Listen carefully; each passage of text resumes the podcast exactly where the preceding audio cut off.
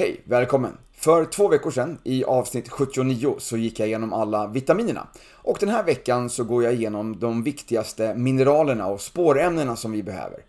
Vad är de bra för och var kan vi hitta dem idag så att vi får i oss dem på ett så enkelt sätt som möjligt så att vi faktiskt får det gjort också.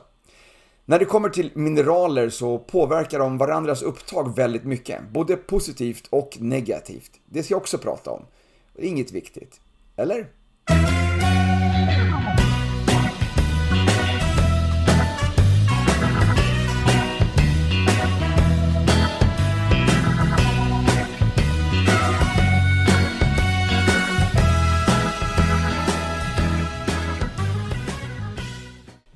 Som vanligt då, så tar vi det från början och klargör lite grann vad mineraler och spårämnen är.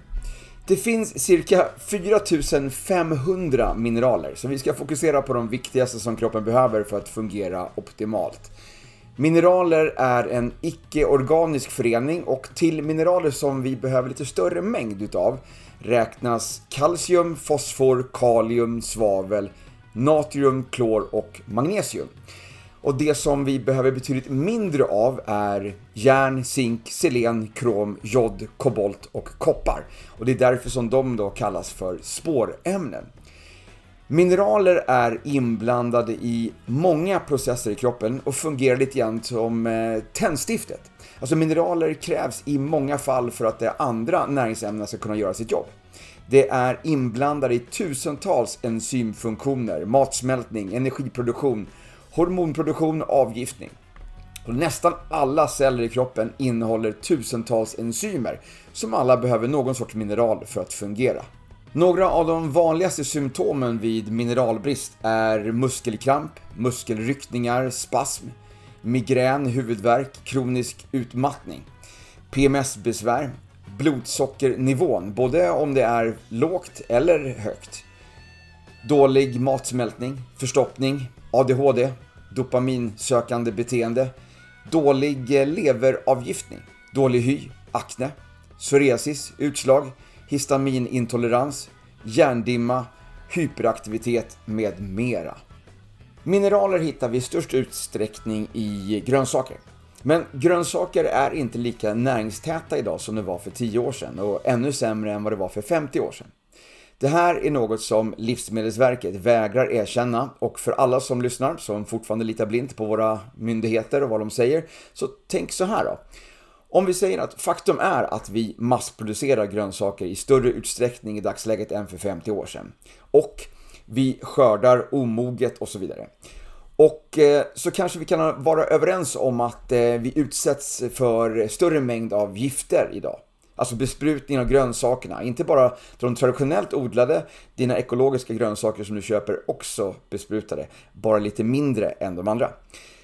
Vi som bor i storstäder utsätts eh, för mängder av avgaser och de små städerna, de växer också så att det blir mer och mer avgaser även där. Vattnet vi dricker blir bara mer och mer förorenat. Nej, allt skit filtreras inte bort på våra fina reningsverk. Till sist så utsätter vi oss för konstant strålning nu när 5G-nätet byggs ut vidare över hela landet av olika operatörer. Allt detta dränerar kroppen på mineraler. Har jag rätt i att eh, maten vi äter dessutom är fattig på mineraler så är det ju ett under att vi inte är sjukare än vad vi är. Det finns en film som heter Sista skörden som är värd att se. Den ligger på SVT Play med jämna mellanrum. Se den. Saken är den att människor lever längre numera, men man är inte friskare. Det kan man enkelt förklara med att det är många åldersrelaterade sjukdomar. Men jag vill påstå att alla de här sjukdomarna är på grund av näringsbrist. En kombination av att upptaget blir sämre med åren så att behovet ökar samt näringssituationer för att inte tala om skiten som de kallar för mat som serveras i äldreomsorgen. Det är ett helt annat avsnitt men jag går in lite grann på det i eh, de här näringsrekommendationerna som jag pratade om i avsnitt 67. Men det är inte bara äldre som blir sjukare. Den största förändringen på allmänhälsan i samhället idag ligger hos de yngre. De som redan äter mindre mängd grönsaker och mycket mer ultraprocessad mat än vad till exempel jag är uppväxt med. Unga idag utsätter sig också för mycket mer strålning från skärmar. Många föräldrar har nog anlitat Netflix som barnvakt för att få lite tid till annat hemma. Resultatet är allt fler medicinerade barn, antidepressiva, ADHD-mediciner, allergimediciner och värktabletter. När jag växte upp så fanns det ju ingen i min bekantskap som hade migrän. Jag visste inte ens vad det var förrän långt senare. Nu tycker jag att jag hör det från någon varje vecka. Alltså att någon beklagar sig över att de har migrän. Och om du inte redan lagt ihop ett och ett och kommit fram till att du inte behöver acceptera att du får migränanfall regelbundet, att du faktiskt kan göra ett aktivt val och ta hand om din kropp och slippa det. Ja, då har du nog inte lyssnat. Backa tillbaka till, att, till det här när jag räknar upp eh, symptomen till mineralbrist.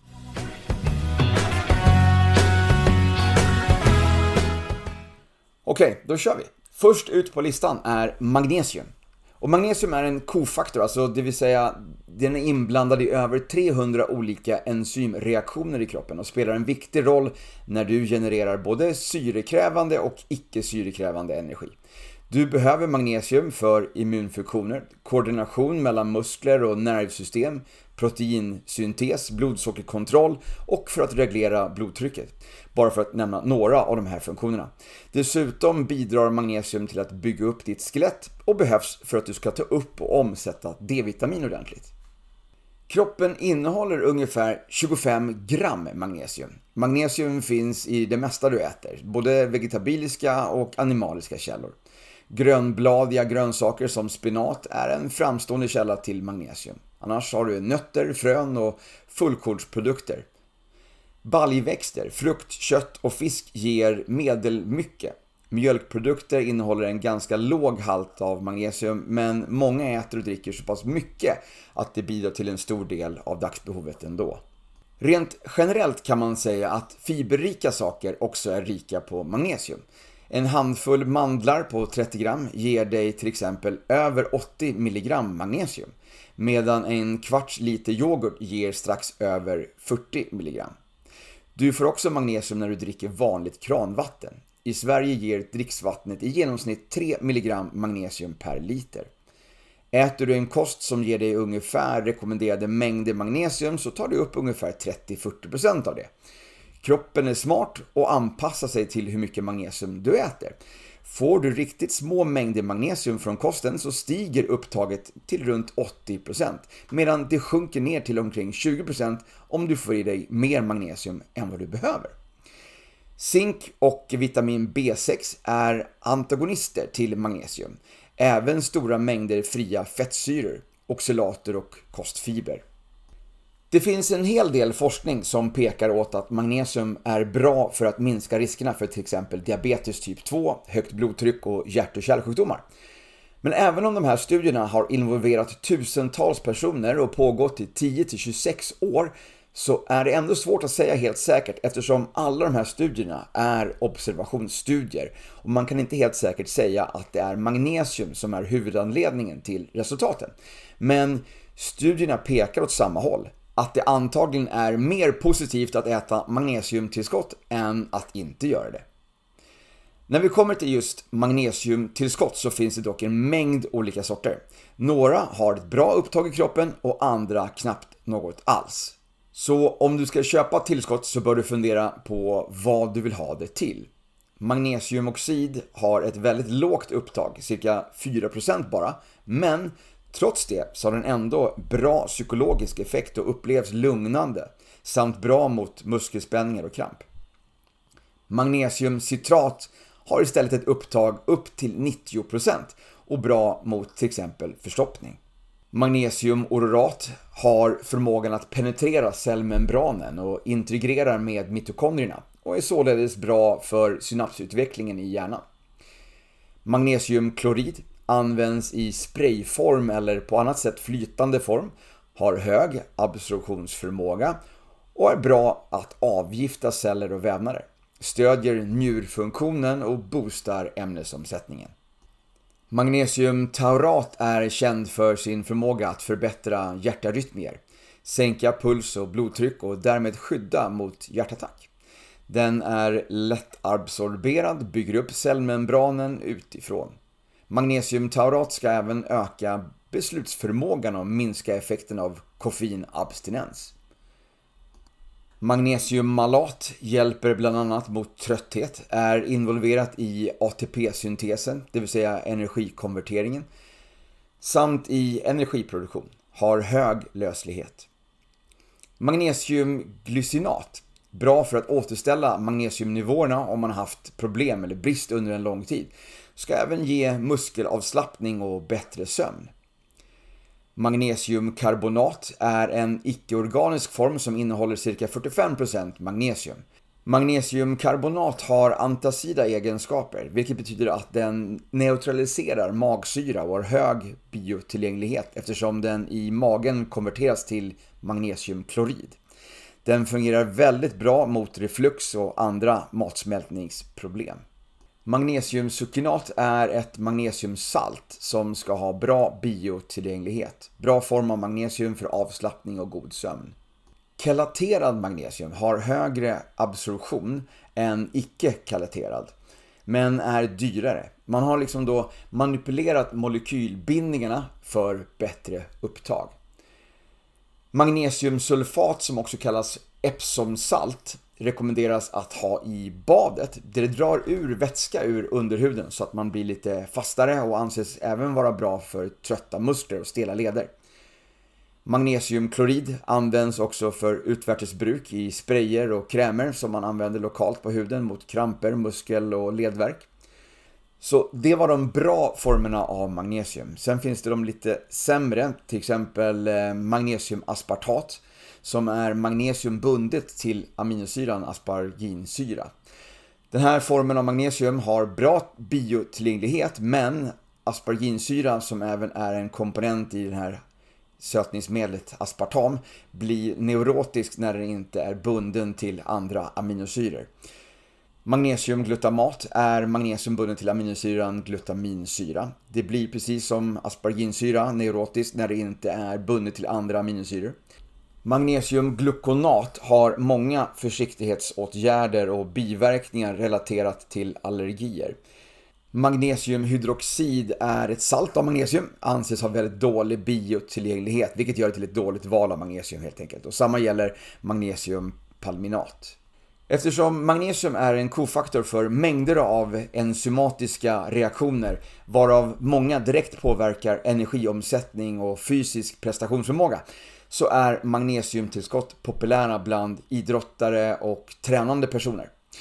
Flera studier visar att idrottare inte sällan får för lite magnesium. Det gäller i synnerhet kvinnliga idrottare och inom sporter med viktklasser. Hård träning ökar ditt behov av magnesium med upp till 20%. Magnesiumbrist ger symptom som skakningar, trötthet och utmattning, muskelryckningar och illamående. Fortgår bristen under en längre tid så dyker symptom som illamående, kräkningar, muskelsvaghet och personlighetsförändringar upp. Ett av de stora problemen som gör att eh, alla människor i Sverige bör ta magnesiumtillskott är att de allra flesta har ett 5-10 gånger större kalciumintag än magnesium.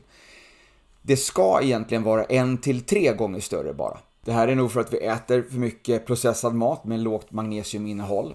Stor konsumtion av mjölkprodukter som innehåller 8-9 gånger mer kalcium än magnesium. En överbetoning på kalcium och underbetoning på magnesium hos myndigheter, medier och skolmedicin. Intag av kalciumtillskott utan intag av magnesium och för lågt intag av magnesiumrikt vatten. Bästa källorna för magnesium i kosten är vetekli, sötmandlar, sojabönor, cashewnötter, dulce, alltså alger, eh, torrjäst, bovete, hasselnötter och råris. Så lite beroende på vilken typ av eh, magnesiumtillskott man tar så kan en dos mellan 500 till 1000 milligram ge lite lös avföring. Medan eh, doser över 9000 milligram anses vara en akut toxisk dos. Men eh, annars är överdosering av magnesium väldigt sällsynt.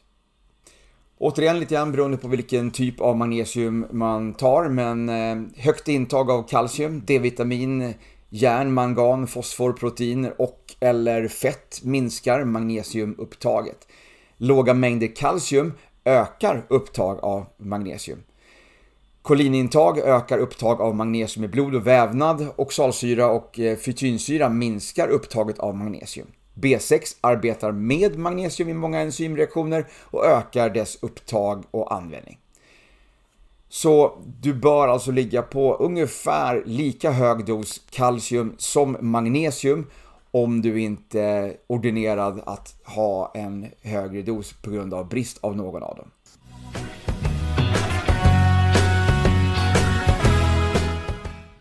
Kalcium. En vuxen människa har cirka 1200 gram kalcium i kroppen.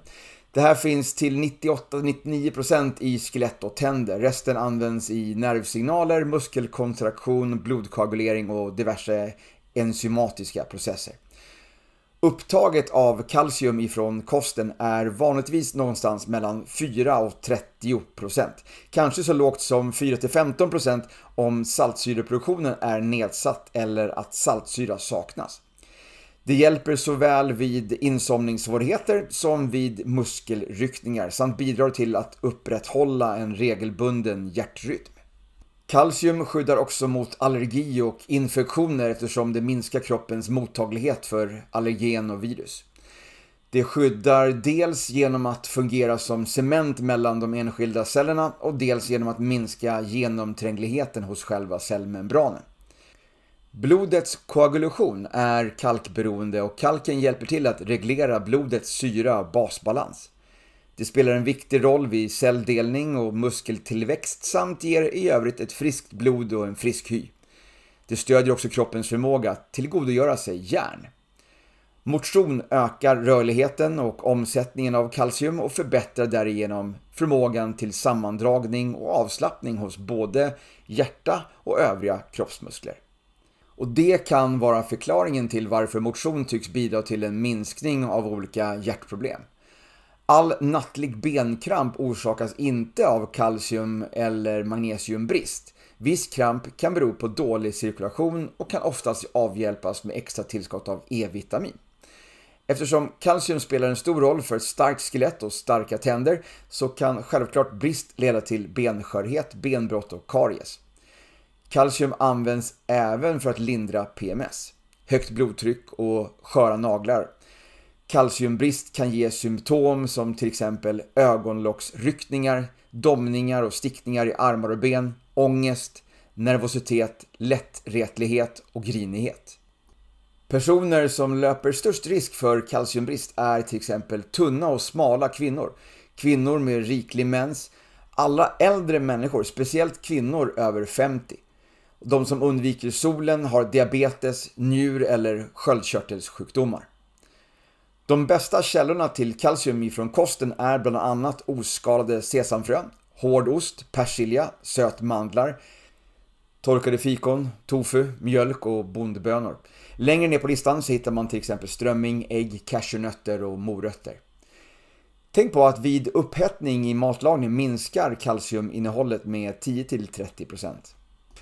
Och som jag nämnde tidigare så bör intaget av kalciumtillskott vara lika eller dubbelt så stort som intaget av magnesiumtillskott. Och gärna i kombination med D och K-vitamin för att få maximal effekt på skelettet. Gravida kvinnor har ökat kalciumbehov och rekommenderas både kalcium och mineraltillskott. För upptag av kalcium behövs magsyra proteinkällor från maten, fibrer och D-vitamin.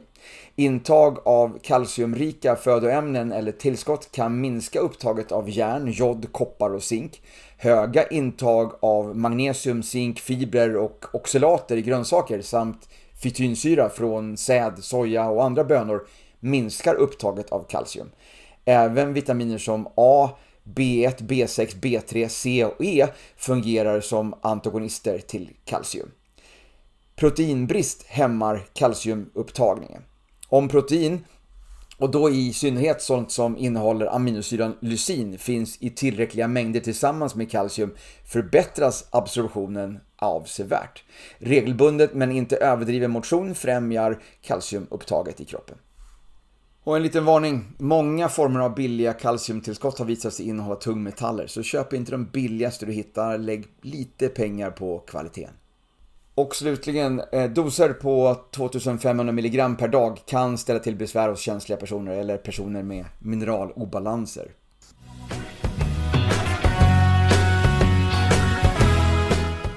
Järn. Järn är kanske mest känd för sin syrebindande förmåga. I blodet binds syre till hemoglobin som transporterar syre till lungorna och till varje cell i kroppen. Två tredjedelar av järnet i kroppen används för att transportera syre. En vuxen människa har 4-6 gram järn i kroppen, alltså cirka en tesked. Av det här så ingår ungefär 65-75% i blodets hemoglobin, 5-10% i myoglobinet i musklerna och resten lagras i lever, mjälte, njurar, benmärg och andra organ. I en liter blod finns cirka 500 mg järn. Merparten av detta finns i de röda blodkropparna, även om järn också finns i alla kroppens celler. Röda blodkroppar nybildas i takten 1% per dag, vilket fordrar 25 mg järn.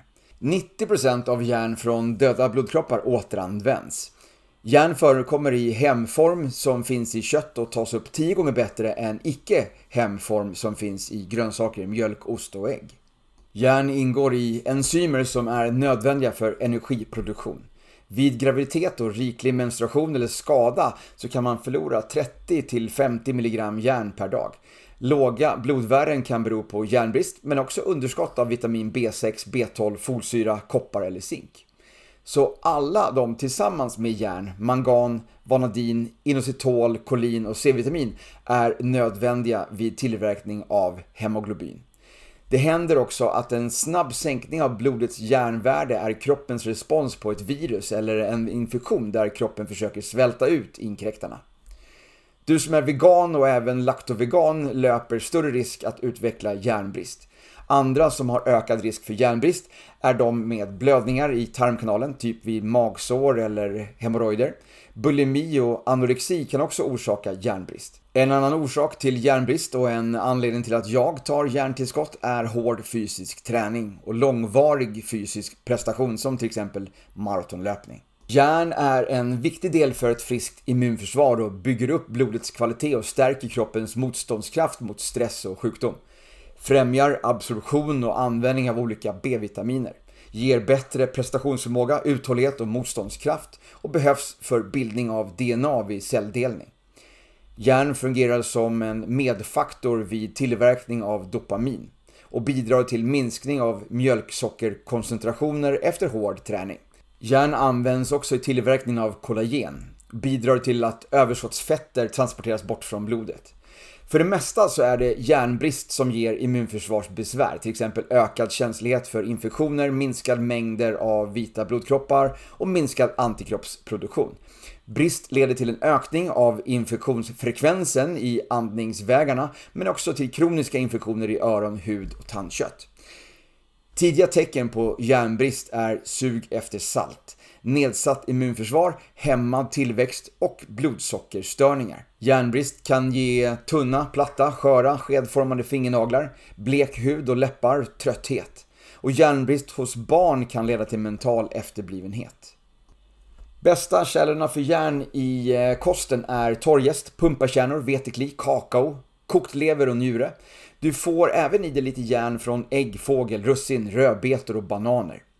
Det är lite skillnad på upptaget mellan blodbundet järn som finns i blod, till exempel i lever och njure, och icke blodbundet järn som du hittar i växter eller andra delar av köttet än blodet. Blodbundet järn har ett upptag upp till 40% och icke blodbundet endast upp till 10%. Järn är en av de mineraler som är svårast för kroppen att ta upp. pH-värdet, surhetsgraden i magsäcken och tolvfingerstarmen är helt avgörande för vår förmåga att jonisera och absorbera järn.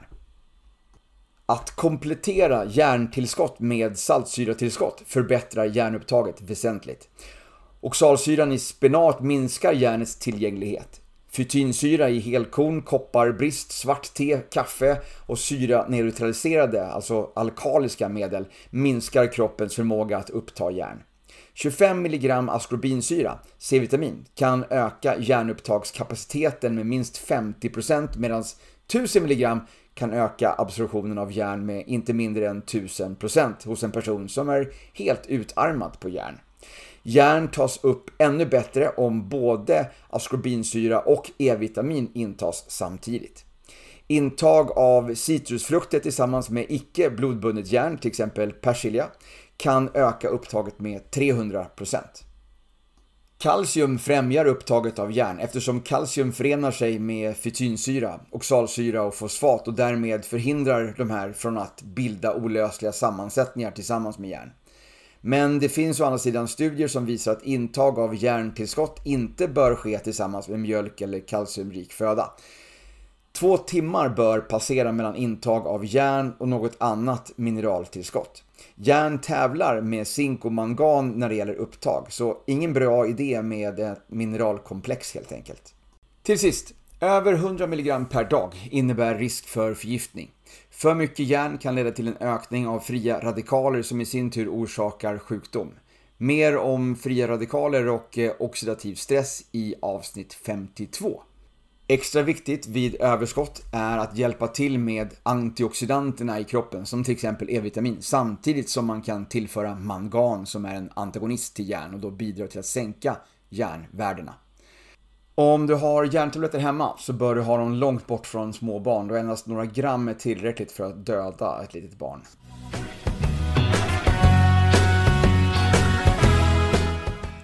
Koppar. Kroppen hos en vuxen människa innehåller cirka 60-120 mg koppar. Upptag av koppar i maten kan uppgå till 50%.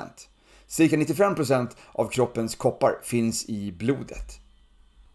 Koppar förekommer mest i levern, hjärnan, benmärgen och de röda blodkropparna, men lagras också i musklerna, skelettet och hjärtat. Koppar används i levern för energiomsättning och avgiftningsfunktioner. Den används även för absorption, användning och syntesering av hemoglobin. Kopparupptaget regleras av flera andra näringsämnen. Kadmium, kobolt, molybden, järn och zink samt fibrer och proteiner. Koppar och zink behövs för kroppens egna produktion av superoxiddismutas, SOD, ett starkt antiinflammatoriskt enzym. Koppar behövs även för enzymer som bildar kolesterol. Vid låga kopparvärden ökar risken för förhöjda LDL-kolesterolvärden, vilket ökar risken för teroskleros. En av kopparns viktigaste uppgifter är att bidra till ett starkt hjärt och kärlsystem. Långvarig kopparbrist leder till ett förstorat hjärta, svaga blodkärl och förhöjd kolesterolnivå. Genom att gallsalter är nödvändiga för omsättningen av fett kan låga kopparvärden ge mindre gallsalter, besvär med nedbrytningen av fett och sämre matsmältning. Koppar skyddar kroppen från syrets skadeverkningar och är en viktig del i cellernas energiomsättning. Benstommens och bindvävens kollagenbildning är beroende av koppar. Koppar tillsammans med zink, mangan, kalcium och fosfor ingår i benstommens byggnadsmaterial och ger även bindväven och kollagenet sin spänst. Koppar har också anknytning till hjärnan och nerverna. Den behövs för såväl produktion som nedbrytning av adrenalin och noradrenalin samt för bildning av melanin i hår och hudpigmentet.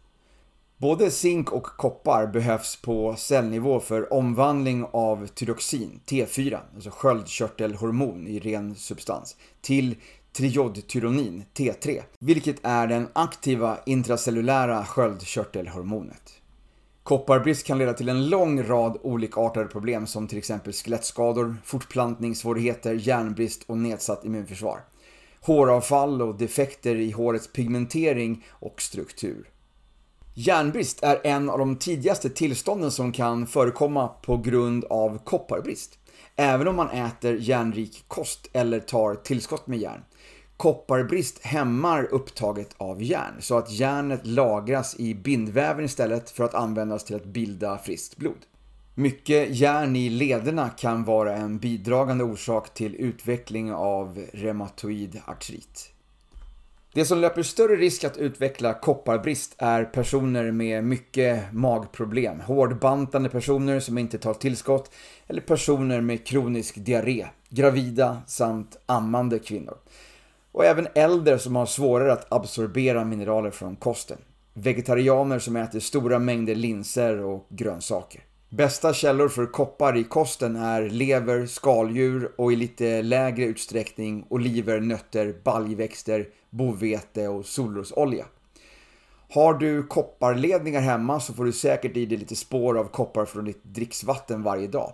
Koppar kan även utsöndras från olika koppararmband.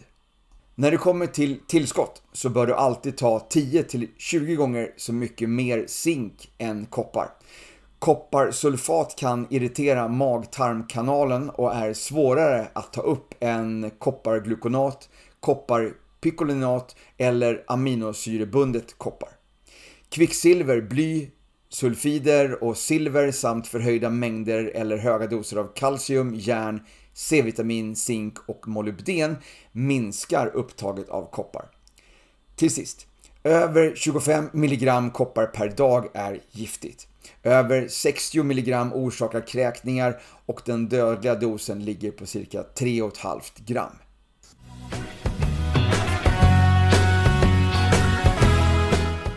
Zink. Kroppen på en vuxen människa innehåller 2-4 gram zink. 78% finns i skelettet, muskulaturen och huden och en liten andel i blodet. Stora mängder finns lagrad i levern, prostatan, öronen och i ögonen. Även benstommen, hjärtat, mjälten, njurarna, binjurarna, hjärnan och musklerna innehåller mycket zink. Zink hör till de mineraler som är svårast för kroppen att ta upp från födan. Zinkupptag ökar dock med intag av protein. Zink bidrar till nästan 100 olika viktiga kroppsfunktioner och fungerar som en kofaktor i fler än 40 viktiga enzymreaktioner. Många inblandade i matsmältningen men även en viktig del för könshormonernas produktion. Enligt nya undersökningar tillhör zink de mineraler som svenskar lider störst brist på. Zink spelar en avgörande roll för tillväxten. Adekvata zinkhalter krävs överallt i kroppen vid syntes av DNA och RNA som är nödvändiga för celldelning, celltillväxt och cellreparation. Även mineralisering av skelettet kräver zink och även läkning av sår. Vidare ingår zink i insulin och förefaller behövas för insulinets frigörande. Zink krävs även för frigörande av A-vitamin från dess upplagringsplats i levern och för omvandlingen av retinol till retinal. Under de senaste åren har man kunnat konstatera att zink har en förebyggande och återställande funktion i samband med förkylningar. Omsättningen av tryptofan i bukspottkörteln producerar picolinsyra, vilket utsöndras till tarmens insida. Zinkmängden som tillförs blodet är direkt beroende av tillgången på picolinsyra. Tillgängligheten på picolinsyra är därför beroende av en normal bukspottkörtelfunktion och tillräckliga mängder tryptofan och B6-vitamin i kosten. Huvudfunktionen hos zink är att stödja och möjliggöra enzymreaktioner. Man känner numera till mer än 200 metallhaltiga enzymer som är zinkberoende för att kunna utföra sina uppgifter. Till exempel proteinsyntesen och ämnesomsättning av kolhydrater. Och zink är en viktig beståndsdel i sädesvätskan hos män. Det finns framförallt tre sjukdomar som brukar drabba prostatan och två av de här kan ha med zinkbrist att göra. Zink är mycket viktigt under graviditeten för både mamman och barnet. Komplikationer, missfall, missbildningar och barn med låg födslovikt kan bero på zinkbrist. Zink krävs också för att kroppen ska kunna göra sig av med mjölksyra som ackumuleras i musklerna vid motion och för att transportera koldioxid från cellerna genom blodet till lungorna. Smaklökarna, luktförmågan och synen avtrubbas av zinkbrist. En märklig upptäckt som visar att flickor som föds av mödrar med zinkbrist tycks ha ett våldsamt och aggressivt beteende har gjorts vid ett laboratorium i USA. Inlärningssvårigheter och aggressivt beteende hos barn till zinkfattiga mödrar har dock rapporterats även från annat håll av andra forskare både i och utanför USA. Zink används rikligt av kroppen för läkning av alla sår. Zinktillskott är mycket effektivt före och efter operationer och vid benbrott, olyckor och andra skador och sår. Zink påskyndar sårläkning tillsammans med C-vitamin och pantotensyra. Intressant här är att det endast bidrar måttligt de första två veckorna, men efter det så har man sett kraftig effekt. Immunförsvaret är beroende av zink. Zink har nämligen viktiga virusdödande egenskaper. Man kan även se minskad aktivitet hos mördarcellerna vid zinkbrist. Man utsöndrar extra mycket zink vid infektioner, stress och ansträngande motionspass. De tydligaste tecknen på zinkbrist är dålig aptit, försämrad sårläkningsförmåga, minskad smakskärpa och hudförändringar.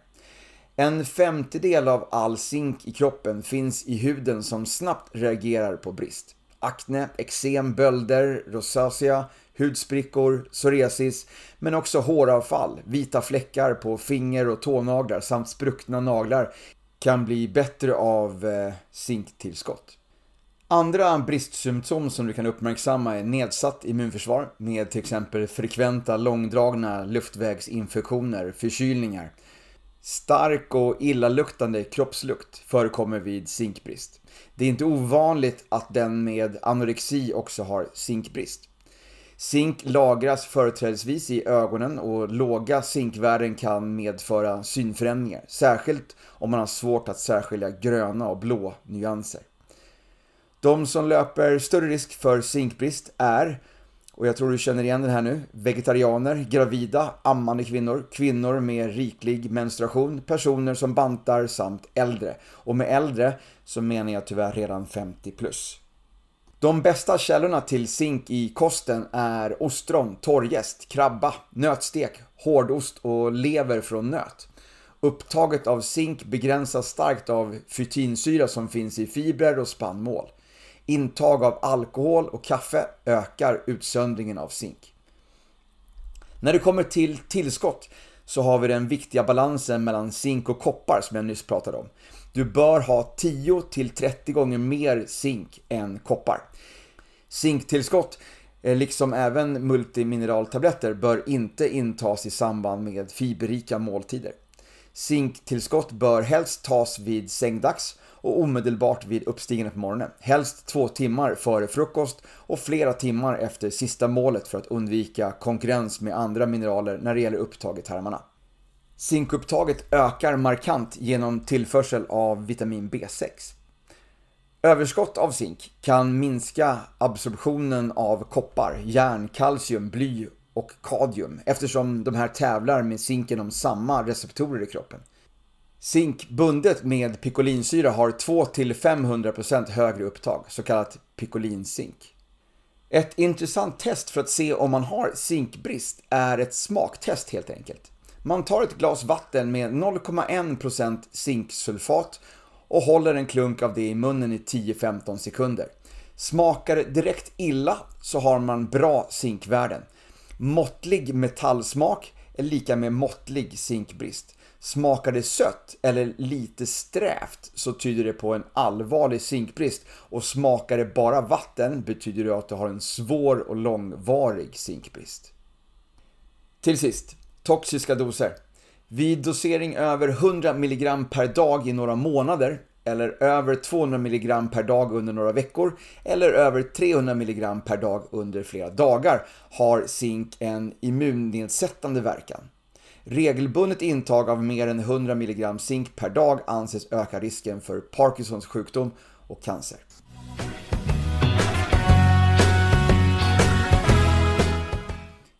Kalium. Vuxna människor har 150 250 gram kalium i kroppen.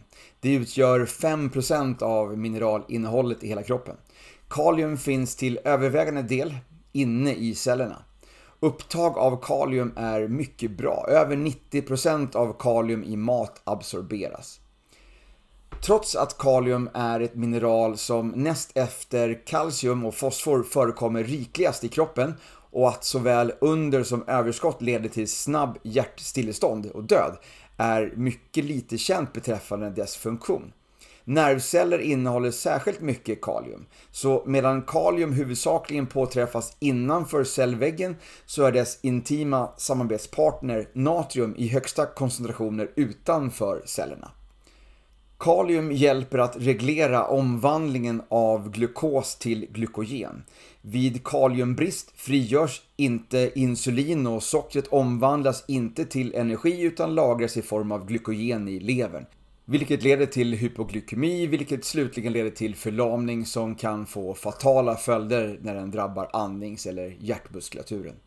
Verksamheten hos NAK-pumpen som pumpar ut natrium ur cellen och pumpar in kalium i densamma avstannar när energi inte bildas ur socker. Man blir matt och orkar inte tänka varpå risken för akut hjärtattack ökar.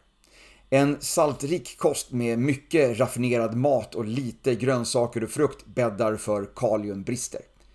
Kaliumintaget bör vara ungefär dubbelt så stort som natriumintaget. Men tyvärr är det mycket vanligare att det motsatta förhållandet råder. Magnesium och insulin främjar flödet av kalium till cellen och magnesium hjälper till att hålla kvar kalium i cellen. Kalium reglerar hjärtrytmen, stimulerar levern, assisterar njurarna i att reglera syre-basbalansen, är viktigt som alkaliskt ämne för att upprätthålla tillfredsställande syra-basbalans i blodet och vävnaderna och skyddar därigenom kroppens organ och vävnader från att bli översyrade. Rätt kaliumbalans är nödvändig för att hjärtats rytm ska bibehållas och hjärtskador undvikas. Kalium fungerar som en katalysator för enzymer som har med muskelsammandragningar och muskelkoordination att göra och är involverad i användningen av aminosyror. Bristsymptom kan vara trötthet, svaghet, muskelkontraktioner, muskelsvaghet, dålig muskelkontroll, mental förvirring, rytmstörningar i hjärtat och sömnlöshet. Kaliumbrist kan också visa sig som att man blir svullen, att man håller kvar vatten i kroppen. Att man är virrig, har lågt blodsockernivå, steril, muskelkramp, akne, matsmältningsproblem, svaga reflexer, allergier, starka svettningar, förstoppning och diarré. De som löper större risk att få kaliumbrist är som vanligt äldre som då har svårare att behålla kalium i kroppen. De som stressar mycket och atleter som hårdtränar och svettas mycket, speciellt i varma temperaturer. Man kan svettas ut upp till 1 gram kalium en varm dag vid ansträngning. Eller när man anstränger sig på gymmet i värmesal till exempel. Personer med hypertyreos, anorexi, bulimi, alkoholism och diabetes löper också stor risk att få kaliumbrist. Diabetiker tål kalium mycket dåligt och höga doser av kalium kan leda till förhöjda kaliumvärden. Så det är en svår balansgång. Andra personer som löper risk för kaliumbrist är personer som använder steroider eller har en överkonsumtion av socker, salt, kaffe, te, alkohol och vattendrivande läkemedel. Personer som inte äter eller intar små mängder grönsaker, frukt eller sädesprodukter. En kosthållning som inte består av mycket frukt och grönt men med rikligt intag av kött, halvfabrikat och salt ökar risken avsevärt för kaliumbrist. När det kommer till kost så är alger som dulce och kelp det mest eh, kaliumrika och innehåller minst tre gånger så mycket som sojamjöl och vetekli. Längre ner på listan hittar vi eh, solrosfrön, dadlar, avokado, potatis och nötstek. De flesta äter tyvärr för mycket natrium i förhållande till kalium, så det är egentligen inte kaliumbrist som orsakar problem, det är fel ratio. Vi ska ha 3 till 7 mot 1 kalium mot natrium, alltså 3 till 7 gånger mer kalium än natrium. Men vi har snarare tvärtom.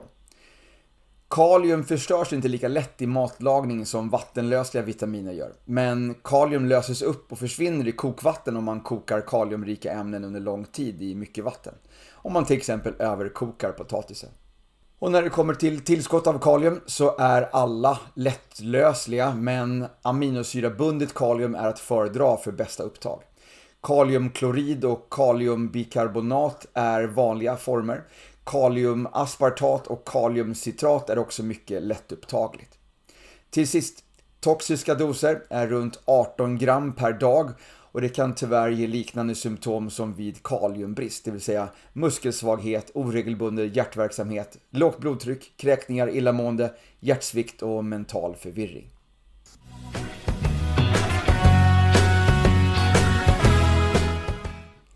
Så ganska logiskt och så går vi till natrium. En fullvuxen människa har cirka 100 gram natrium i sin kropp. Ungefär hälften av kroppens natrium finns innanför cellerna och hälften finns utanför. Människans behov av natrium är cirka 3 gram per dag. Med maten får vi vanligtvis 5-15 gram. Tack och lov så kissar vi ut ungefär 90% av det så att vi inte bygger på oss för mycket. Natrium har som sagt ett tätt samarbete med kalium så alla de processer som jag nyss räknade upp är alltså natrium delaktiga i också. ATP, saltsyreproduktion, musklernas kontraktion och avslappning, upptaget av glukos med mera. Det är sällsynt med natriumbrist. Det är vanligare med överskott av natrium. Men brister kännetecknas av eh, insjunkna ögon, muskelsvaghet med ryckningar eller kramper, muntorrhet, svindel, irritationer, luftrörsbesvär, viktförlust, olust, lätt feber, nedsatt aptit med kräkningar, sänkt blodtryck. Trots att flertalet människor får i sig för mycket koksalt kan brist tänkas uppstå vid långvariga eller kraftiga kräkningar, diarréer, hög blodsockernivå och hård fysisk träning. Brist kan också uppstå vid ett flertal sjukdomstillstånd, till exempel hormonell obalans. Eftersom natrium förekommer i riklig mängd i vår föda är natriumbrist mycket sällsynt. Saltöverskott däremot är mycket vanligt och är en av huvudorsakerna till det höga antalet hjärt och kärlsjukdomar i vårt land. Ett gott råd är att minska på saltet och öka kaliumintaget. Vid användning av salt vid matlagning bör havssalt helst användas. Problemet med minskningen av salt är att man då får i sig mindre jod.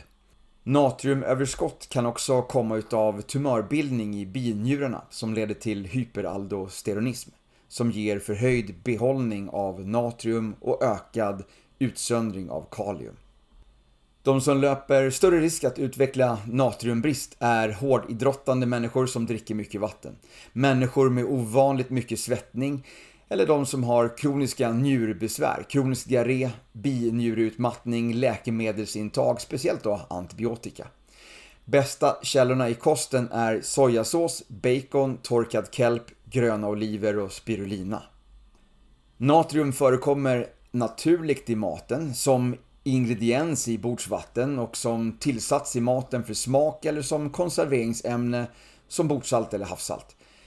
En liten parentes här är att i mitt kostprogram så eliminerar man allt extra salt under en kort period. Så pass så att det bara är tillåtet att köpa oprocessad kyckling till exempel. Den mörade i frysdisken innehåller lite extra saltvatten för att göra den saftigare vid tillagningen men också så att den väger mer. Så tänk på det när du köper fryst kyckling. Cirka 20% av det du köper är saltvatten. Är den färska kycklingen bara 20% dyrare så är alltså den mer prisvärd. Salt består av både natrium och klorid, 40 och 60%. Modern raffinerad mat innehåller mycket salt, som ofta är av dålig kvalitet. Tyvärr har de flesta av oss för mycket av det sämre saltet i kroppen. Reaktioner vid överdosering är högt blodtryck, hjärtsvikt, koma, svullnader och migrän.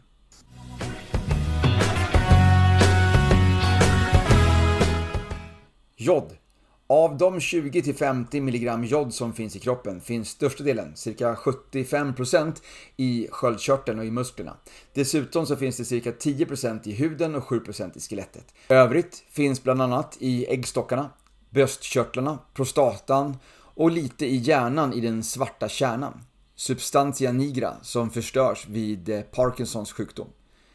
Kroppens alla celler behöver jod för att fungera optimalt. Jod fungerar som en slags metabolisk regulator. Den primära uppgiften för jod är som nyckelkomponent tillsammans med tyrosin i sköldkörtelhormonerna som reglerar cellandningen. Sköldkörtelhormonerna accelererar cellulära reaktioner, ökar syrekonsumtionen och den basala kroppstemperaturen samt påverkar tillväxt, utveckling, energiomsättning, differentiering och proteinsyntes. Jod är nödvändigt för omvandling av aminosyran tyrosin till sköldkörtelhormonet tyroxin. Jod utgör det klassiska exemplet på hur ett svårt hälsoproblem, struma, relativt lätt kan avhjälpas med tillskott av ett enda spårämne. Jod spelar också en viktig roll i immunsystemet genom att det stödjer bakteriedödande aktiviteter och skyddar även mot autoimmuna sjukdomar. Jodtillskott ökar kroppens avgiftning av giftiga metaller som till exempel aluminium, kadmium, bly, kvicksilver och haliderna bromider, klor och fluor. Jod är viktigt för tillväxt av hår, naglar och tänder. Det bidrar till upptag av kolhydrater i tunntarmen samt upptag och funktion av A-vitamin samt omvandlingen av betakaroten till A-vitamin. Världshälsoorganisationen, WHO, har insett att jodbrist är världens största enskilda anledning till mental retardering som kan förebyggas. Ungefär 1,5 miljarder människor, det vill säga en fjärdedel av jordens befolkning, lever i jodfattiga områden. Och uppemot 72% av världens befolkning är påverkade av en jodbristrelaterad störning. Struma-framkallande ämnen påverkar tyreoglobulinsyntesen och kan framkalla struma i områden där jord och vatten har låga jodhalter. Strumaframkallande ämnen finns i vitkål, kålrot, blomkål, kålrabbi, jordnötter, senapsfrön och sojabönor. Utbuktande ögonlober, sträv hud, sköra naglar, koordinationsproblem vid gång och svullen hals-nacke är karaktäristiska tecken på jodbrist och struma. Andra symptom på jodbrist och även på låg sköldkörtelfunktion kan vara viktökning, sänkt motståndskraft mot infektioner, dålig cirkulation, kalla händer och fötter, svårt att tåla kyla, svårt att svälja, torr hud, PMS-besvär, förstoppning, håravfall, höga kolesterolvärden, nervositet, muskelkramper, muskelsvaghet, heshet, sänkt hjärtfrekvens, högt blodtryck, svullna ögonlock, oförmåga att tänka klart, Dregling, alltså förlorad kontroll av munmuskler. Dåliga tänder, trötthet, depression, irritation, långsam utveckling av könsorganen och menstruationsrubbningar. Intag av jod kan oftast minska på besvär med ömma och svullna bröst. Jod gör att eh, bröstkörtlar blir mindre påverkade av cirkulerande östrogen. Jod förebygger därför både bröstknölar och bröstcancer. Så utöver de som bor i områden som har låga jodhalter i jorden så kan även följande utveckla brister. Bantare. De som inte använder jodberikat salt. De som äter stora mängder struma-framkallande födoämnen. Jodbrist är sex gånger vanligare hos kvinnor än hos män. Speciellt vanligt hos tonåringar samt gravida kvinnor.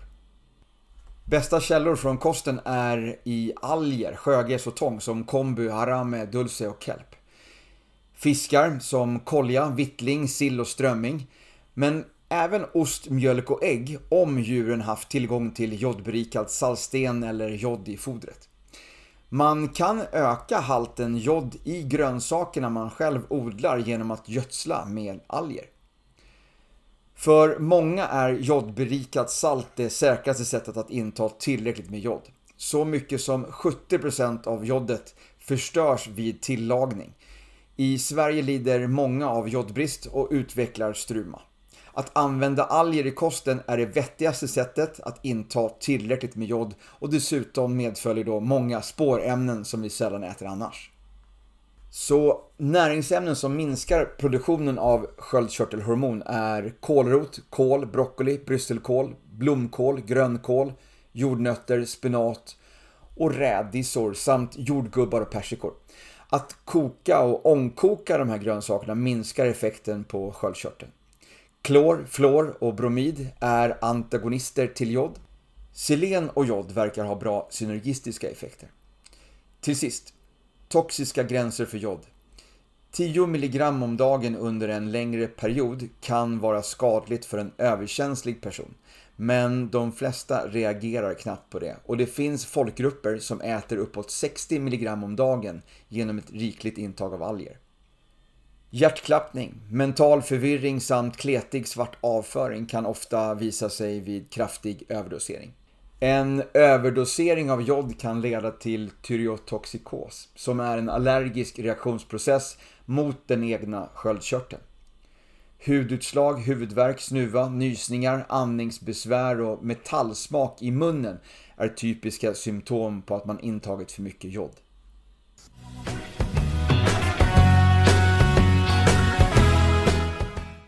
Krom. I den vuxna människan finns det cirka 6 mg krom.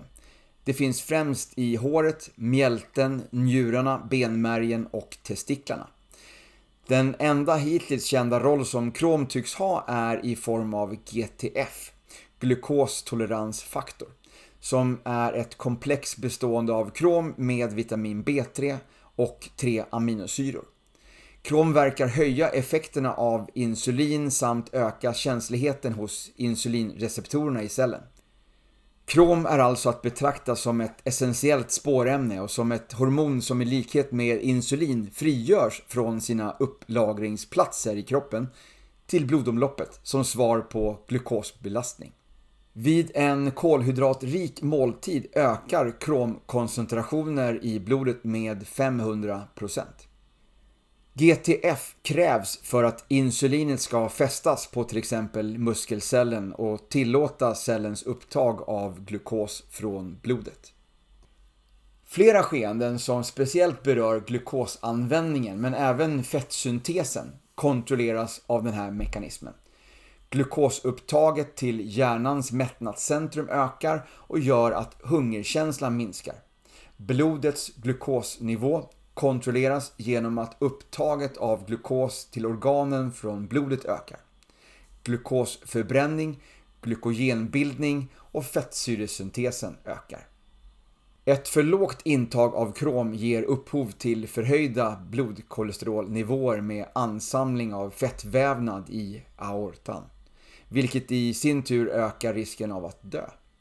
Krom reducerar blodfetterna och kontrollerar kolesterolhalten i blodet.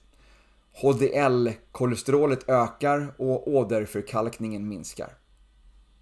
Krom främjar transport av aminosyror, dels över cellmembranen så att proteinsyntesen i skelettmuskulaturen ökar, men även över blodhjärnbarriären så att syntesen av de speciella neurotransmittorerna i hjärnan ökar. Krom ökar även infektionsmotståndet. Krom krävs för upprätthållande av glukostolerans, det vill säga den korrekta användningen av blodsocker för att producera energi. Utan nyckelfaktorerna krom och insulin kan blodsockret faktiskt skada cellerna. Detta kallas för glukosintolerans. Krom utsöndras i högre koncentrationer vid motion och stress eller intag av mycket socker. Näringskombinationen krompikolinat och bor är kromtillskottet för idrottsmän och kroppsbyggare som vill optimera blodsockertillförseln till muskelcellerna. Det här för att snabbare bygga upp musklerna genom träning och samtidigt stimulera fettförbränningen. Kromtillskott intas ofta av personer som vill minska i vikt. Det minskar suget efter sött och kan som sagt även öka fettförbränningen. Den vanligaste orsaken till krombrist är kromfattig kost och mycket socker eller vetemjöl som helt enkelt förbränner kromet i kroppen. Vilket också kan leda till en ond cirkel där kromhalten minskar och sötsuget ökar och ju mer sötsaker man äter desto mer sänks kromhalterna. När ultraprocessad mat tillverkas så försvinner cirka 80% av kromet som fanns ursprungsvis i födan. Graviditet, trauma, typ 1-diabetes, aerobisk motion och stark stress kan alla orsaka ökad kromutsöndring och därigenom tära på kroppens kromförråd. Krombrist hämmar proteinsyntesen. Det stör också omsättningen av glukos och fett, framförallt av kolesterol. Krombrist kan leda till olika former av diabetes. Hypoglykemi, ökning av blodfetter, kolesterol, åderförkalkning, hypertoni, nedsatt aminosyreomsättning, nervösa besvär, irritation, intolerans, förvirring, svaghet, depression och inlärningssvårigheter. Äldre, 60 plus, har utökad risk att utveckla krombrist. De som hårdbantar och som sagt gravida och ammande kvinnor. Andra som löper risk för krombrist är de som genomgår östrogenbehandling och såklart hårdidrottande människor. Födoämnen innehållande fytinsyra kan minska kromupptaget. Du hittar krom i äggula, bryggerijäst, nötkött, hårdost, lever och fruktjuice. Intag av C-vitamin ökar upptaget av krom. När det kommer till tillskott så bör det med diabetes vara lite försiktiga då krom kan minska behovet av insulin. Upptag från krom från kromklorid i kromtillskott i form av tabletter eller kapslar är endast 2%. Bästa är tillskott som också innehåller de tre aminosyrorna och vitamin B3 som ingår i GTF-komplexet. Aminosyrorna som jag pratar om är glycin, glutaminsyra och cystin. Vitamin K, magnesium och zink främjar upptaget av krom. Men undvik att ta tillskott av mangan, järn, kalcium, koppar samtidigt då det motverkar upptaget. Till sist, det finns ingen känd giftig dos annat än av den luftburna versionen av krom som kommer från svetsning, rengöringsmedel och betong.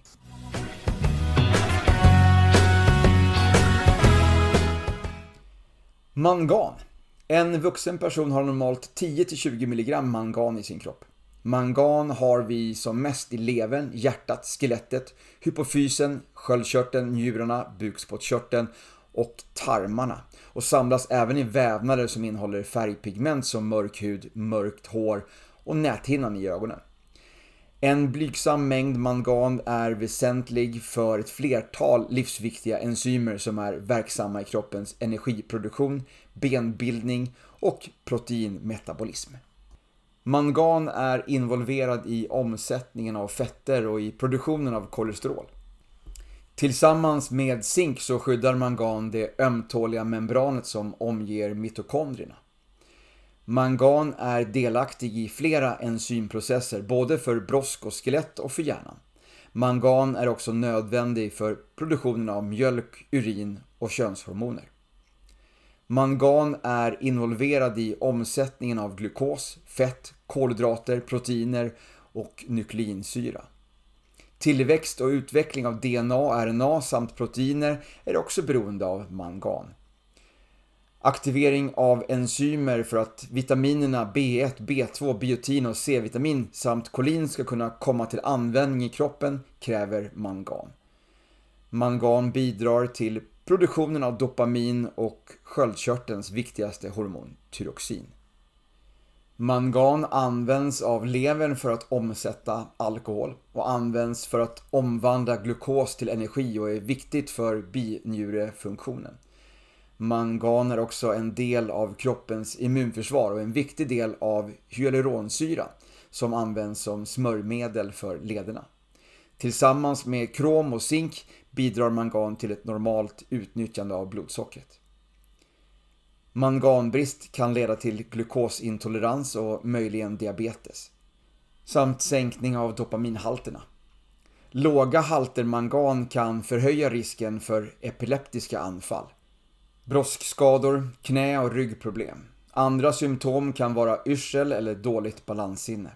Större manganbrist kan ge krampanfall, oregelbunden hjärtrytm, viktminskning, dermatit, alltså hudinflammation och förlust av hårfärg. Man har även sett samband mellan Parkinsons sjukdom och såväl brist som överskott av mangan.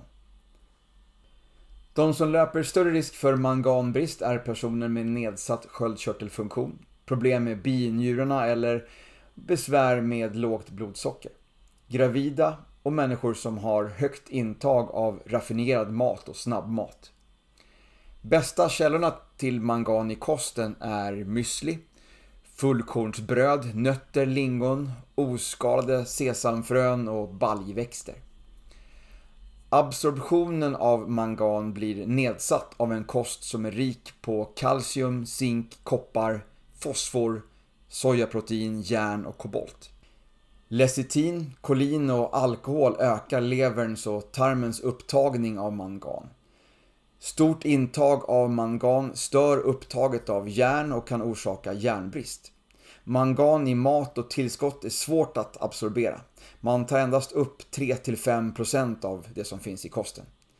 Det är därför vanligt att många har brist på mangan. Mangansulfat och manganklorid verkar ha sämre upptag än mer biotillgängliga former av tillskott som aminosyrebundet mangan, manganpikolinat och manganglukonat. Studier har visat att patienter med schizofreni, MS och epilepsi har låga manganvärden. Till sist, det finns ingen fastställd giftig dos, men doser över 100 mg kan ge illamående. Det har även rapporterats att mangan kan öka bröststorleken hos kvinnor. Svår och långvarig manganförgiftning kan ge neurologiska symptom som liknar Parkinsons, psykiska besvär som liknar schizofreni och våldsbeteende. Förhöjda manganvärden minskar serotonin och dopamin i hjärnan samt stör upptag av jod från sköldkörteln. Kroppen är effektiv i sin hantering av överskottsmangan. Manganförgiftning vid industri och gruvarbete är däremot inte sällsynt och kan leda till hallucinationer, anorexi, kramp i benen, muskelryckningar, huvudvärk, talsvårigheter, impotens, ångest, apati, nedsatt lungfunktion, sömnstörningar och kraftlöshet.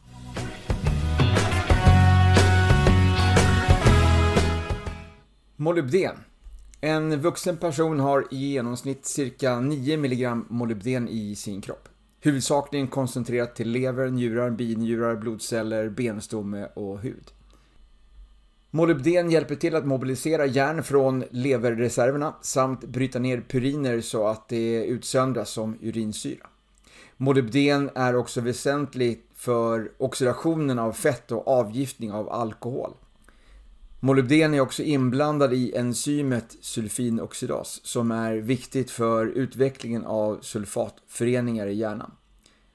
Sulfitoxidaser nollställer sulfiter som tillsätts i maten som konserveringsämne. I pommes frites, öl, vin, sallader, kräftor, räkor med mera. Många astmatiker har besvär med att bearbeta sulfiter i maten och ett molybdentillskott lindrar besvären hos de flesta astmatiker. Fenolämnen som finns bland annat i bär, tomater, gurka och frukt kan vara svårt att bryta ner av kroppen utan tillräcklig mängd molybden. Molybden är en del av hemoglobinsyntesen. Brist på zink och molybden ger brist på enzymer som omvandlar aldehyder och alkohol i kroppen. Följden blir då att kloralhydrat bildas i hjärnan och ger följande symptom. En känsla av frånvaro, nedsatt koncentrationsförmåga, depression, trötthet, förvirring, impotens samt bortdomningar i händer och fötter. Brist på molybden förknippas med matstrupscancer, impotens, karies och nedsatt avgiftningsförmåga i levern. Bästa källa från kosten är bovete, bönor, vetegroddar, lever, sojabönor, linser, gula ärtor, fullkorn, gröna ärtor och spenat. Molybdenhalten i grödor är beroende av förekomsten i odlingsjorden. Växter som odlas i molybdenrik jord kan innehålla upp till 500 gånger mer molybden än växter som odlas på molybdenfattig mark. Det finns ingen känd toxisk gräns. Överskott kan minska vävnadens elasticitet och bidra till stela leder.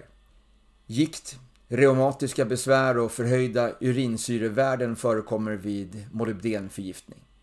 Doser över 500 mikrogram per dag ökar utsöndringen av koppar. En kosthållning som är rik på kalcium, koppar och eller järn kan hämma molybdenupptaget.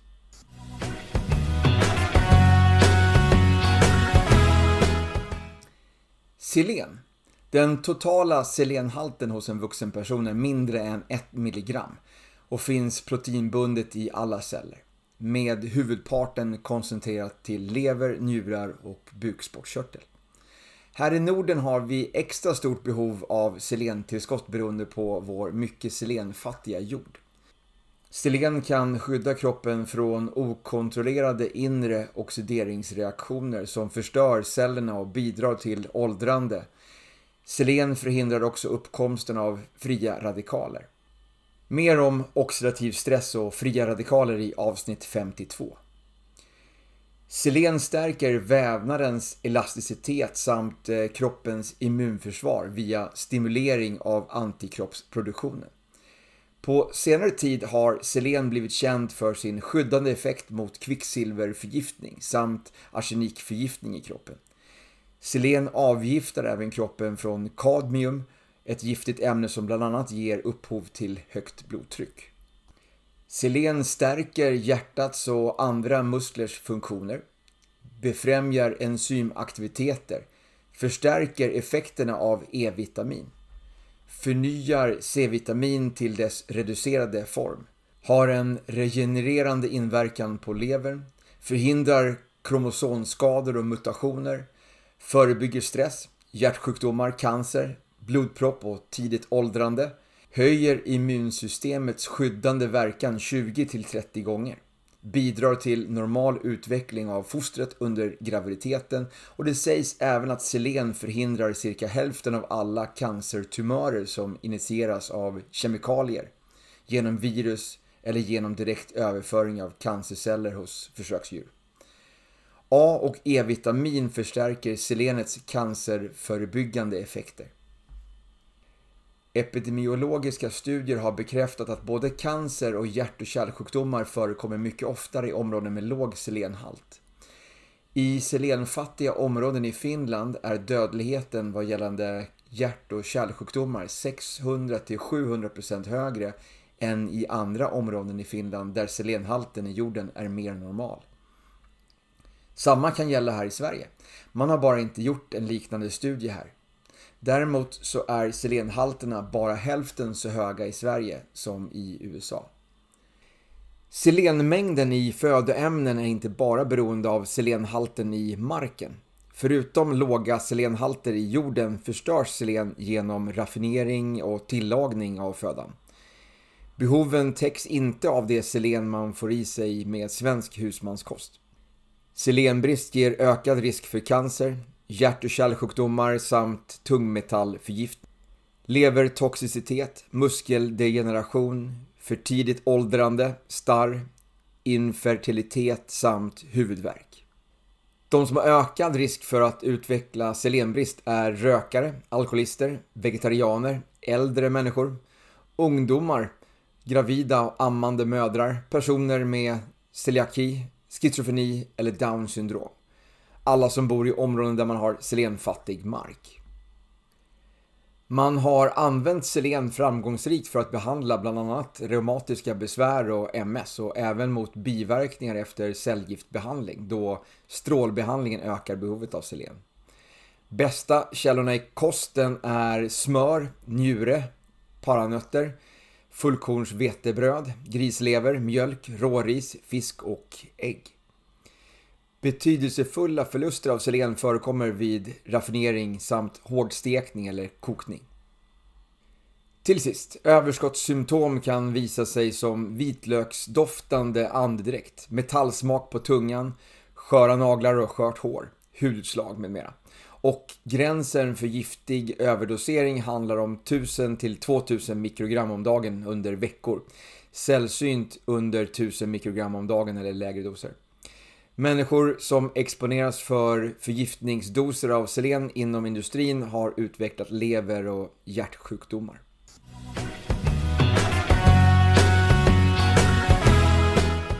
Fosfor. Cirka 70% av den fosfor som finns i maten absorberas av kroppen och det finns hela 12 gram per kilo fettfri vävnad i kroppen. 80% i skelettet och tänderna, övrigt i blodet och vävnader. I skelettet så är förhållandet 2 mot 1 kalcium-fosfor. Alltså dubbelt så mycket kalcium som fosfor. Så även om fosfor är ett viktigt ämne för skelettet så förekommer fosfor i allt för stora mängder i modern husmanskost. Speciellt om man äter mycket kött och dricker läsk.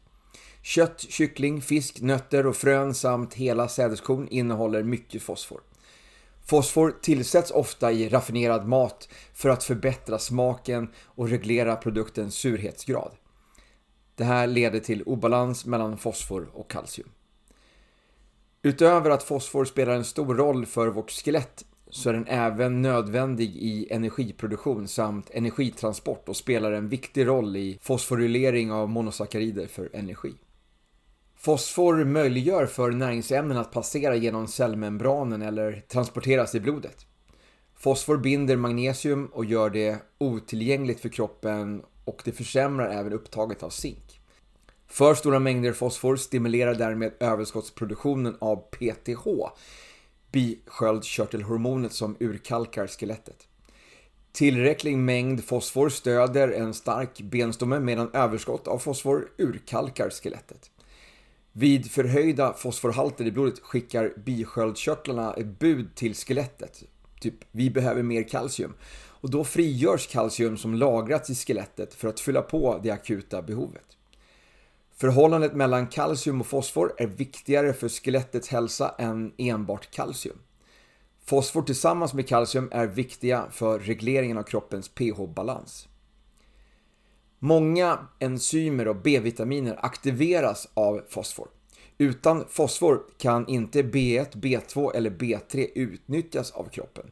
Dessutom behövs fosfor för omsättningen av kolhydrater, protein, fett och oxidativ fosforylering som leder till ATP-produktion. Brist på fosfor uppstår främst vid saltsyrebrist eller stora överskott av kalcium. Fosforbrist är ovanligt eftersom maten innehåller mer fosfor än kalcium. Symptom på brist i centrala nervsystemet är trötthet, krypningar, tremor, kramper, muskelförlamning, svaghet och pareser. Andra symptom på fosforbrist är kräkningar, dålig aptit, smärtor i benstommen och depression. De som löper större risk att utveckla fosforbrist är människor som äter en kalorifattig kost, alkoholister, människor som lider av en katabolisk sjukdom eller nedbrytningssjukdom. Exponering för höga nivåer av aluminium genom till exempel kokkärl, deodorant med mera. Eller personer över 55 år, men även för tidigt födda barn. Folk med njur och leversjukdomar, brist på D-vitamin men också megadosering av D-vitamin och kalcium. Det förekommer en mycket större risk att få för mycket fosfor än för lite idag. Speciellt om man äter kött varje dag samt dricker läsk. Tillsatser i mat och halvfabrikat bidrar också till fosfor i överskott och därmed till störd kalcium, fosforratio. Överkonsumtion av fosfor är alltså ganska vanligt hos de som äter mycket kött och dricker läsk varje dag. Men toxiska symptom uppkommer först efter intag av 4 gram om dagen typ 8 burkar läsk då. Symptom som kan uppkomma i det läget är andfåddhet, oregelbundna hjärtslag, slaganfall och koma.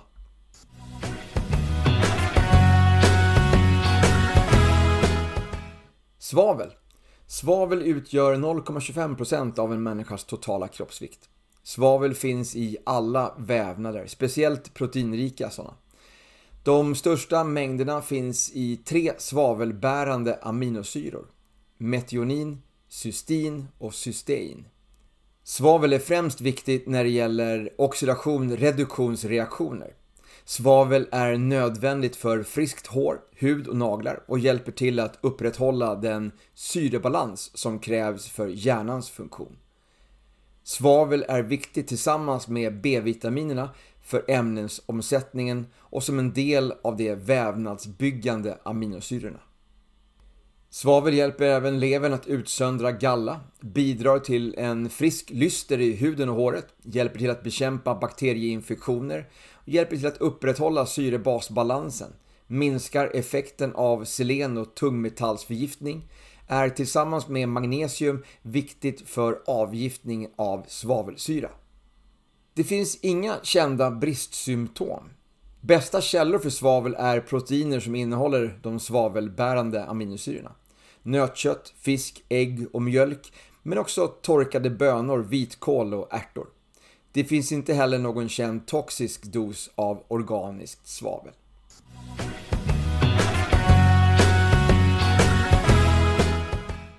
Kobolt. En känd funktion hos kobolt är att det är en viktig del av vitamin B12, cyanokobolamin, och motarbetar anemi, alltså blodbrist. Kobolt är en nödvändig komponent för röda blodkroppar. Kan ersätta både mangan och zink vid en del viktiga enzymfunktioner och aktiverar enzymet fosfotransferas.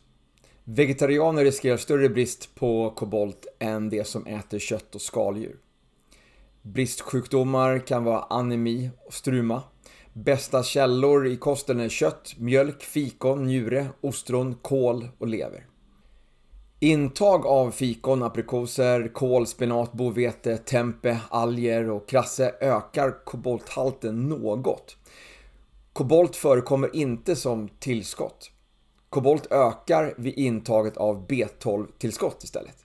Så absorption av kobolt är mycket dåligt. Järnbrist ökar absorptionen av B12. Toxiska doser. Människan tål stora koboltmängder men intag över 20-30 mg kan orsaka biverkningar såsom sköldkörtelbesvär och hjärtsvikt.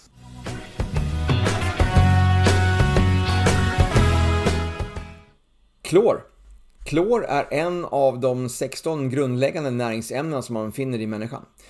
Det hjälper till att döda bakterier samt hålla cellerna rena. Klor har gynnsamma funktioner för nervsystemet och hjärnan.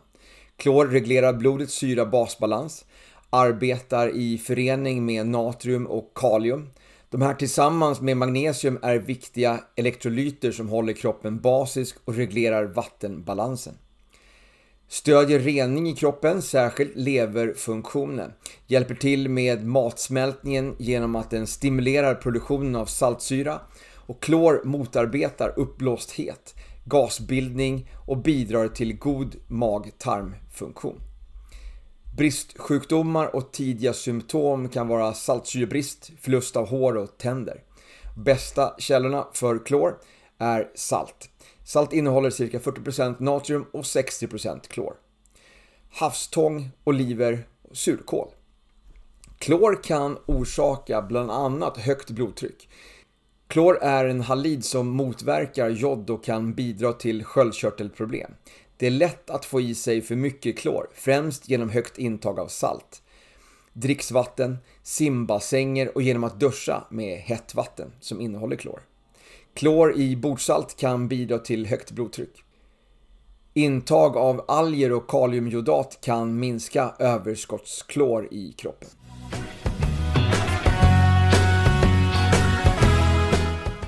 Mitt bästa tips och min personliga källa till mineraler är kvällsdrinken från Fitline som heter Restorate. Den innehåller de viktigaste mineralerna som jag pratat om i det här avsnittet och den innehåller även vitamin D3. Till skillnad från de mineraltillskott som du kanske köper i hälsokosten, speciellt de som innehåller alla mineralerna tillsammans. För det har vi ju lärt oss idag att det är inte någon bra idé, då så många av dem motverkar varandras upptag. Så är Fitlines alla produkter tillverkade med ett ayurvediskt tänk, alltså tusenårig kunskap om balansen mellan mineralerna för bästa upptag. Dessutom så är de tillverkade med deras egna mikromissiliseringsteknik som gör att alla ämnen redan är nedbrutna till den perfekta partikelstorleken som kroppens celler kan ta emot. Det som annars sker i magsäcken och där en stor del av näringsämnena går till spillo. Det tredje som gör upptaget unikt med 95-98% är NTC, Nutrient Transport Concept, eller näringstransportkonceptet på svenska. Det gör alla mineralerna joniserade när du tillsätter vattnet. Det går inte att få ett bättre upptag. Bara genom att lyssna på den här podden så har du fått höra flera som börjat dricka Restrate och som framförallt berättat om bättre sömn och återhämtning. För min egen del så var det ju så att jag tog sådana där mineraltabletter varje dag. Men då visste jag inte att upptaget var bättre på kvällen, då när skelettet är mindre belastat och har lättare att absorbera mineralerna. Hur som helst så tror jag inte att jag fick någon större effekt utav det här överhuvudtaget. Däremot, när jag började dricka Restorate så tog det kanske en vecka innan jag märkte av att jag faktiskt vaknade mer utvilad. Att jag inte ville ligga kvar i sängen på morgonen när väckarklockan ringde utan jag mer eller mindre studsade upp. Så är det än idag. Jag sover färre timmar men jag är ändå mer utvilad när jag vaknar. Jag märkte också av att min träningsverk satt i betydligt kortare tid. Och idag så tränar jag hyfsat intensivt varje dag och vaknar pigg och fräsch i kroppen. Vissa dagar tar jag dubbel dos av Restorate då jag vet att jag har ett ökat behov på grund av extra hård träning eller alkoholintag. Eftersom alla mineraler och även D3 i Restorate är vattenlösliga så tas det upp i kroppen snabbt och effektivt och överskottet kissar jag ut. Så det finns liksom ingen risk att du överdoserar med den här. Det finns ingen risk att du får i dig för mycket av något och för lite av något annat. Här tar kroppen upp det som den behöver och resten går ut. Det är också därför det är att rekommendera att dricka den varje kväll. Det enda man behöver tänka på är att inte äta något tätt inpå när man dricker den och man dricker den långsamt direkt efter tillredning. Små klunkar. För i glaset så är Restorate sur, men väl i kroppen så kommer den göra magen mer basisk. Vad som kan hända om du sveper den är att det blir för mycket surt för magen på en gång och det kan tyvärr vända. Men om du dricker den i små klunkar inom några minuter efter att den har pyst färdigt när man hällt på vattnet så är det bara bra saker som kommer ut av den. En varning dock, den här näringsparadoxen. Att när man tillför bra näringsämnen så kan vissa reagera negativt till en början. Jag kallar det för utrensningssymptom. Att kroppen får de näringsämnen som den behöver för att äntligen ta tag i något som är fel. Då kan det felet eller det problemet upplevas som lite värre ett par dagar. Exempelvis om man har lite ont i knäna och tillför massa mineraler, då kan det göra lite ondare i knäna några dagar innan verken blir mildare och mildare och kanske helt försvinner. Så vet man med sig att man har problem så kan det vara bra att vara förberedd på utrensningssymptomen. Hur många dagar det håller i sig det kan bero på hur länge man har haft problem. Man ska kanske inte tro att ett problem man har gått med i 40 år ska försvinna på två dagar. Det bästa du kan göra är att prova den här mineraldrinken i 90 dagar för att verkligen ge kroppen en chans att byta ut alla celler till nya som blivit matade med alla mineraler som de behöver för att bli starkare. Restorate finns i två smaker, citrus och exotic, som har smak av kaktusfikon. 30 portionspåsar kostar bara 299 kronor och en burk med pulver kostar 258 idag, när det här avsnittet spelas in i alla fall. Så beställ tre månadsförpackningar fraktfritt från min webbshop www.goforfitline.se med en fyra så hörs vi igen nästa vecka. Innan vi skiljs åt också så ska jag bara påminna om det här hälsominglet som jag är delaktig i på Zoom den 19 november mellan 10 och 12. Där kommer jag att prata om träning, men det kommer också vara flera andra talare med andra intressanta ämnen. Så boka in i kalendern 19 november 10-12. Länk till det här Zoom-mötet kommer dyka upp på sociala medier. Eh, så håll ögonen öppna. Ta hand om dig.